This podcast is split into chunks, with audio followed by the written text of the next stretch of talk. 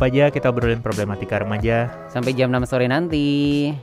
Ya, em, hari yang kurang cerah ya mungkin ya. Di luar nggak cerah? Em, Apa jiwamu yang nggak cerah? Hari yang cerah untuk Bisa ya, bisa keduanya juga ya. Nah, jadi em, hari yang spesial Hutan ini. Oh TNI, iya bener juga put. Tapi tanggal mungkin beberapa hari lagi, nggak nggak di tanggal nggak di tanggal ini. Kok udah lewat? Belum. TNI apa dulu nih? Kayaknya TNI Angkatan Udara deh. Oh, Ngarang, ngarang, ngarang, semua ngarang. Eh, iya iya bener. Coba deh, kayaknya tanggal 9 atau tanggal berapa gitu. Ya, coba oke. googling ya. Coba googling Ya, ya. sambil googling ya put. Jadi em, memang kita selalu eh, on air di hari-hari yang spesial gitu ya, khususnya hari ini gitu. Dan eh, yang mau kita obrolin ini juga em, hal yang spesial juga. Ngarang 5 Oktober angkatan angkatan darat kan? Angkatan Udara, oh, angkatan udara. gimana sih Bapak? Oke, gimana gimana? Nah itu jadi eh kalau kita ingat-ingat lagi eh, kasus-kasus ya, ini langsung aja deh nggak usah bridging-bridging. Pusing ya, Pak ya. Gak tahu lagi gak gak nggak on nih buat on buat nih. mikirin bridging ya. Jadi ya benar. Eh beberapa bulan kemarin kan ada sebuah kasus Nggak ketemu. nggak ketemu ya. Berarti HP Anda dilempar aja. Oke.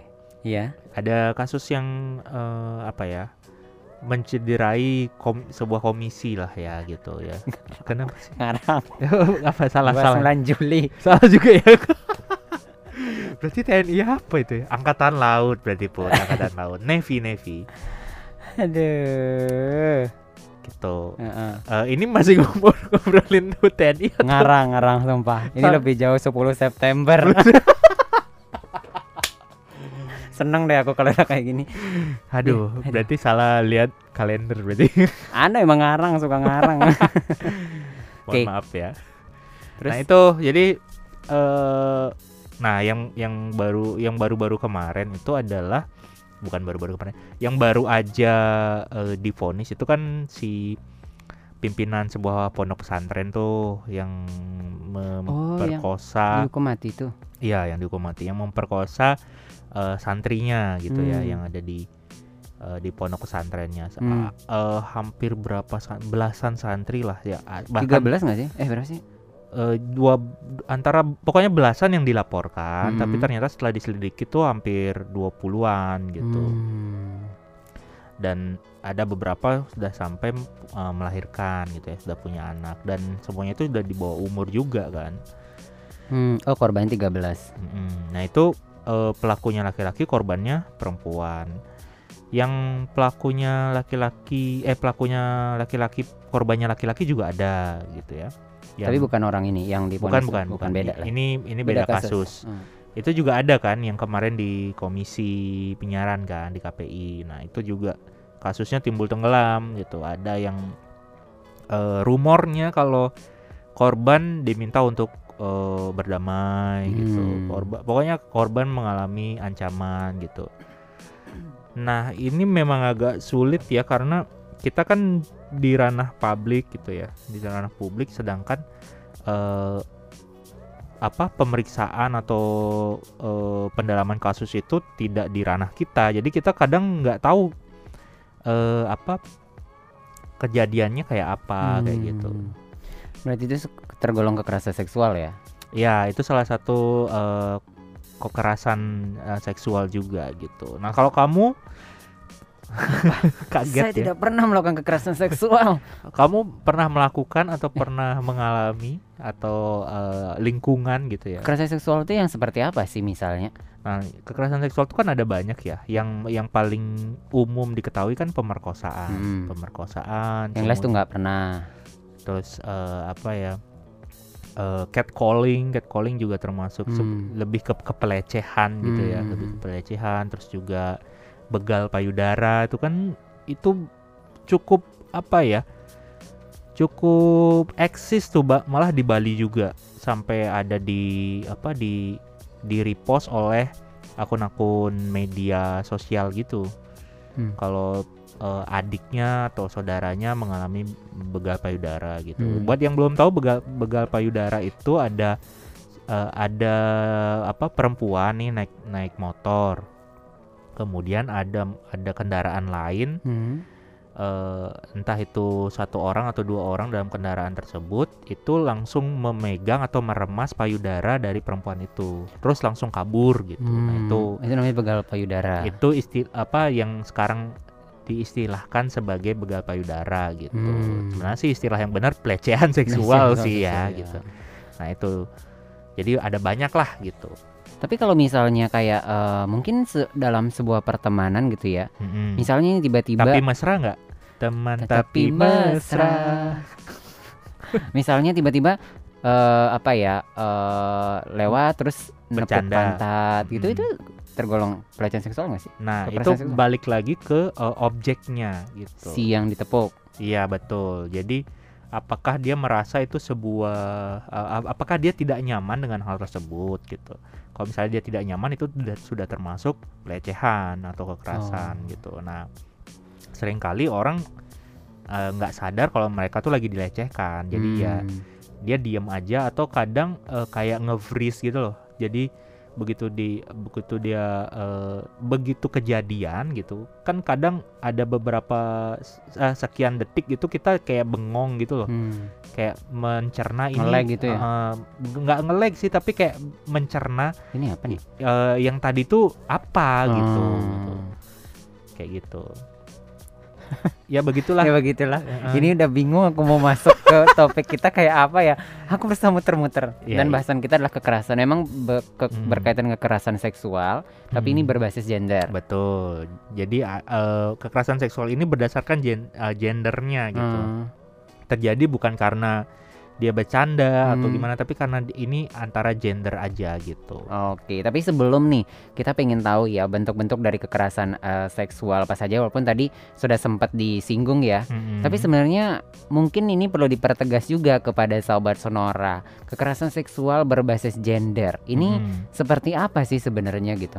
Jadi kalau menurut Interagency Standing Committee, it- dia mendefinisikan kekerasan berbasis gender itu sebagai istilah untuk semua tindakan membahayakan yang dilakukan di luar kehendak orang tersebut.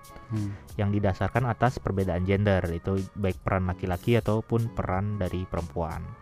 Nah, ada beberapa bentuk kekerasan berbasis gender. Yang pertama itu ada kekerasan seksual, kemudian kekerasan fisik, kemudian ada praktek tradisional yang membahayakan. Nah, ini nanti kita bahas ya. Mungkin agak apa itu praktek tradisional yang membahayakan gitu. ya. Terus yang keempat itu ada kekerasan sosial ekonomi, kelima kekerasan emosional dan psikologis. Nah, sedangkan kekerasan seksual menurut eh, WHO itu adalah segala bentuk tindakan seksual yang tidak diinginkan dan cenderung menggunakan paksaan oleh siapa pun tanpa memandang hubungan mereka dengan korban. Dan juga dalam lingkungan apa pun, termasuk pada lingkungan rumah dan lingkungan kerja. Kekerasan seksual merupakan tindakan seksual yang sangat beresiko bagi korban dan pelakunya, dan resikonya adalah kehamilan yang tidak diinginkan, infeksi menular seksual atau HIV dan AIDS. Nah, kekerasan berbasis gender itu juga sangat berkaitan dengan kekerasan seksual gitu. Jadi kekerasan berbasis gender itu tidak hanya kekerasan seksual, tapi juga ada banyak termasuk fisik, sosial ekonomi dan juga eh, emosional atau psikologis gitu. Oke, jadi itu ya tentang eh, kekerasan seksual berbasis gender gitu yang Hmm. dimaksud kekerasan seksual berbasis gender. Kita juga sebenarnya ingin tahu gitu bentuk-bentuk dari kekerasan seksual ini seperti apa. Nanti kita bahas di sesi selanjutnya sahabat Sonora. Tetap di Kopaja kita obrolin problematika remaja. こんにちは、若者の皆さん。コパジャプログラムでドドユダとジョニプトラを聞くのを忘れないでね。毎週火曜日28.9で放送します。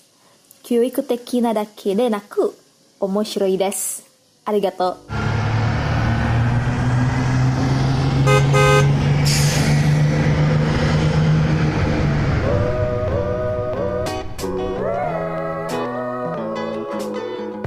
Kok aja kita obrolin problematika remaja Bersama Angga Yunanda. dan juga Zara Disti. Siapa? Ya Sarah kan Oh, yang pasangannya pacarnya. dia, bukan pacar yang pasangannya Oh. dia. Kenapa anak kepikiran dia? nggak tahu soalnya ya itu dua garis biru itu yang Oh. cukup booming kan Lucu ya. Mm-mm. Langsung mengabaikan Eh, jenis gender kelamin jenis kelamin ya Tapi ngomong-ngomongin kekerasan seksual ya, tadi kan udah bahas nih. Tapi kita pengen tahu juga gitu, bentuk-bentuk dari kekerasan seksual ini apa aja? Mungkin beberapa dari kita mungkin kemarin sebenarnya mengalami ya, tapi Iya. ngerasa kayak enggak ih gitu. Tapi ternyata iya gitu. Nah, jadi bentuk kekerasan seksual ini eh, adalah kejadian kekerasan seksual berbasis gender yang sering kali dialami oleh seorang. Jadi nggak hanya pada orientasi heteroseksual, tapi juga LGBT atau lesbian, gay, bisexual, transgender atau transseksual. Nah, ada beberapa bentuk kekerasan seksual menurut Komnas Perempuan. Jadi ini eh, dikutip dari Komnas Perempuan ya. Hmm. Yang pertama itu perkosaan, baik itu melalui vagina, oral, dan juga anal. Kemudian yang kedua intimidasi seksual, termasuk ancaman atau percobaan perkosaan. Oh, Udah termasuk ya Iya, ancaman itu. ya? Jadi eh, iya karena itu kan sebuah intimidasi ya. Hmm. Nah itu juga termasuk bentuk kekerasan.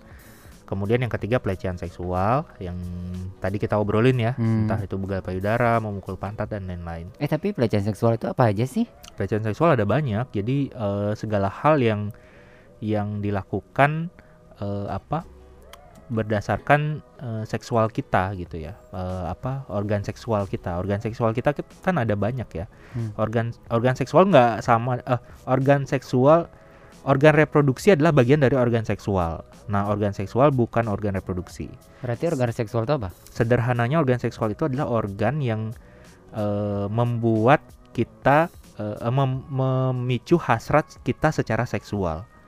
Oh, Nah, misalnya kan ada yang tangan merasa- juga termasuk.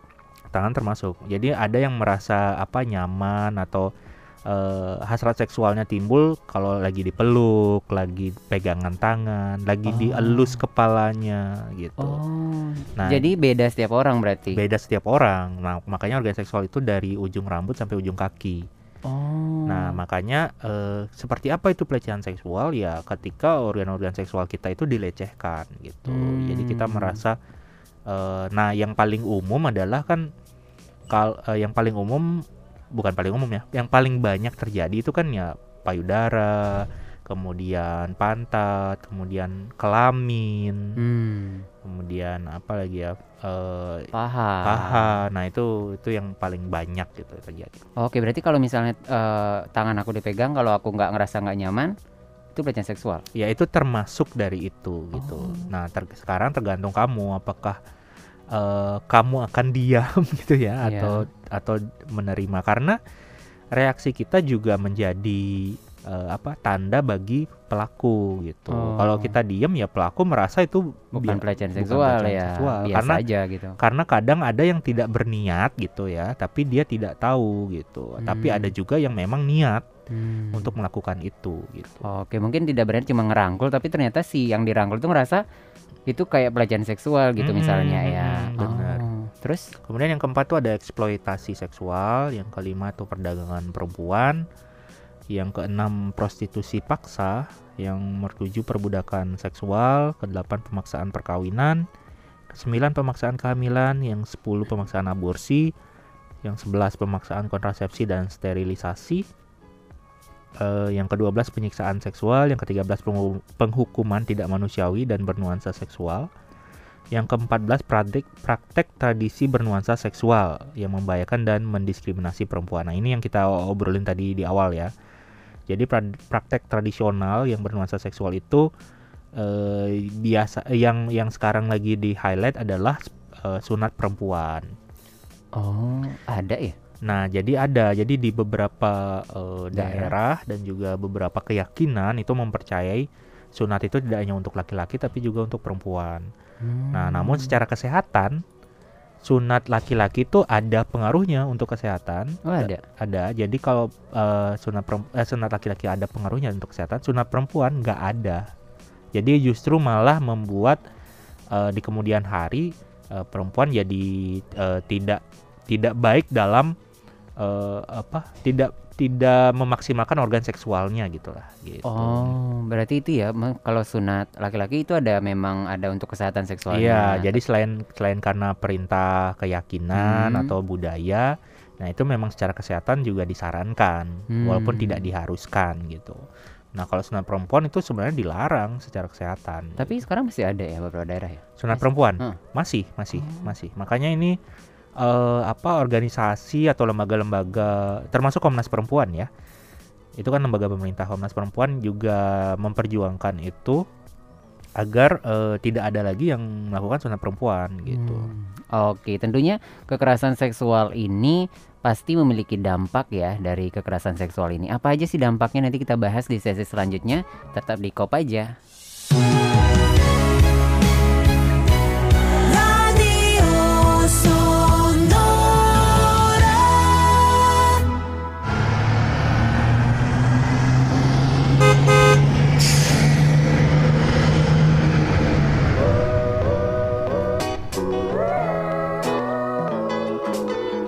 Kok aja kita obrolin problematika remaja. Wow, tiba-tiba suara Bapak berubah ya.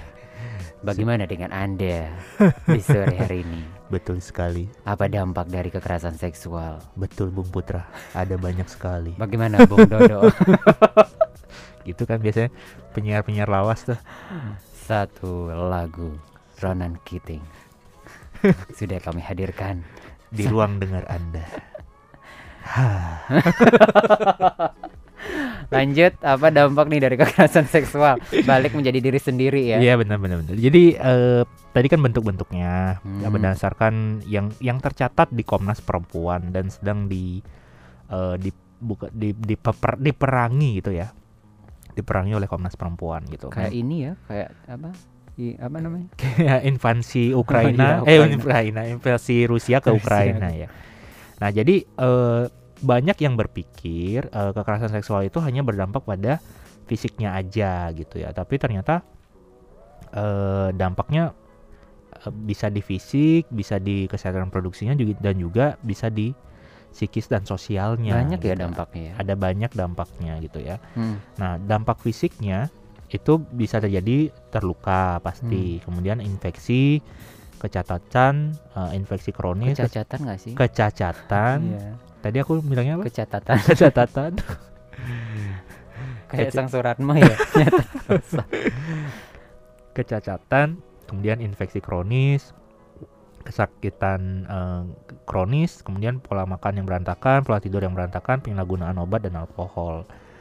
Nah, jadi itu dampak fisik yang Timbulkan ya. di alam ya ditimbulkan Hmm. dari kekerasan seksual ini.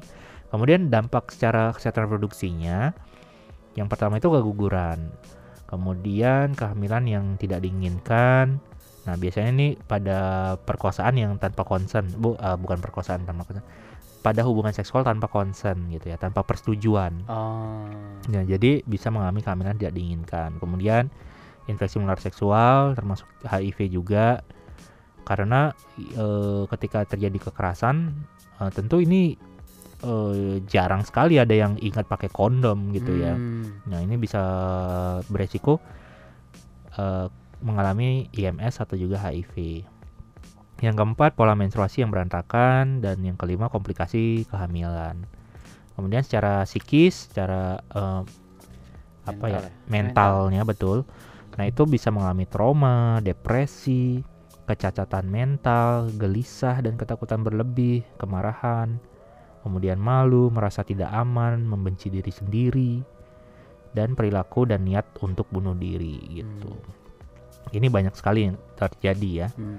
Eh, bahkan mungkin kalau di film itu film dua garis biru itu bisa bisa dilihat tuh. Memang bukan konteksnya bukan kekerasan seksual, cuman dia mengalami kehamilan yang tidak diinginkan kan. Dampak psikis terasa gitu. Dampak Paling psikisnya menonjol ya. uh, uh, ada di sana. Dan terakhir itu dampak sosialnya. Dampak sosialnya eh, sosial memberikan eh, judgement ya kepada korban ya, Ya- yaitu dia menyalahkan korban, kemudian kehilangan fungsi dalam masyarakat itu eh, salah satunya mencari nafkah, mengurus anak gitu ya, karena dianggap tidak suci, Hmm. dianggap tidak apa ya, eh, tidak ya pokoknya tidak bermoral gitu padahal dia tuh korban, korban gitu loh ya. ya. Hmm. kemudian bisa mengalami stigma sosial dan keempat itu bisa mengalami penolakan dan cemooh gitu nah itulah eh, dampak-dampak yang dialami ketika mengalami kekerasan seksual gitu Jadi dampaknya ke korban banyak sekali banyak ya. sekali jadi dia tidak hanya mengalami secara fisik setelahnya dia juga bisa mendapatkan eh, dampak dari sosialnya Hmm. gitu jadi banyak akses yang akhirnya tertutup gara-gara dia korban nah Hmm. itulah kenapa banyak korban eh, kekerasan itu memilih diam dibanding dia speak up gitu Hmm, karena dampaknya itu ke mana-mana ya dan itu bisa mempersulit dirinya, gitu nanti ke Dirinya depannya gitu. Oh. Oke, dan kalau mungkin mau tanya lebih lanjut nih, sahabat Sonora tentang eh, kekerasan seksual berbasis gender atau pro- problematika remaja lainnya, bisa Yubut ditemui di mana? Langsung aja ke Instagram eh, @ayubud atau Facebook ayubud bisa juga diklik www.ayubud.org. Dan dengarkan terus pastinya setiap Selasa dari jam 5 sampai jam 6 sore kalau mau dengerin kembali di Spotify, cari aja Sonora Bali 98,9 FM. Ketidaksempurnaan hanya milik kami berdua karena sempurna hanyalah milik Andra and the Backbone. Selamat sore, sampai jumpa. Bye bye.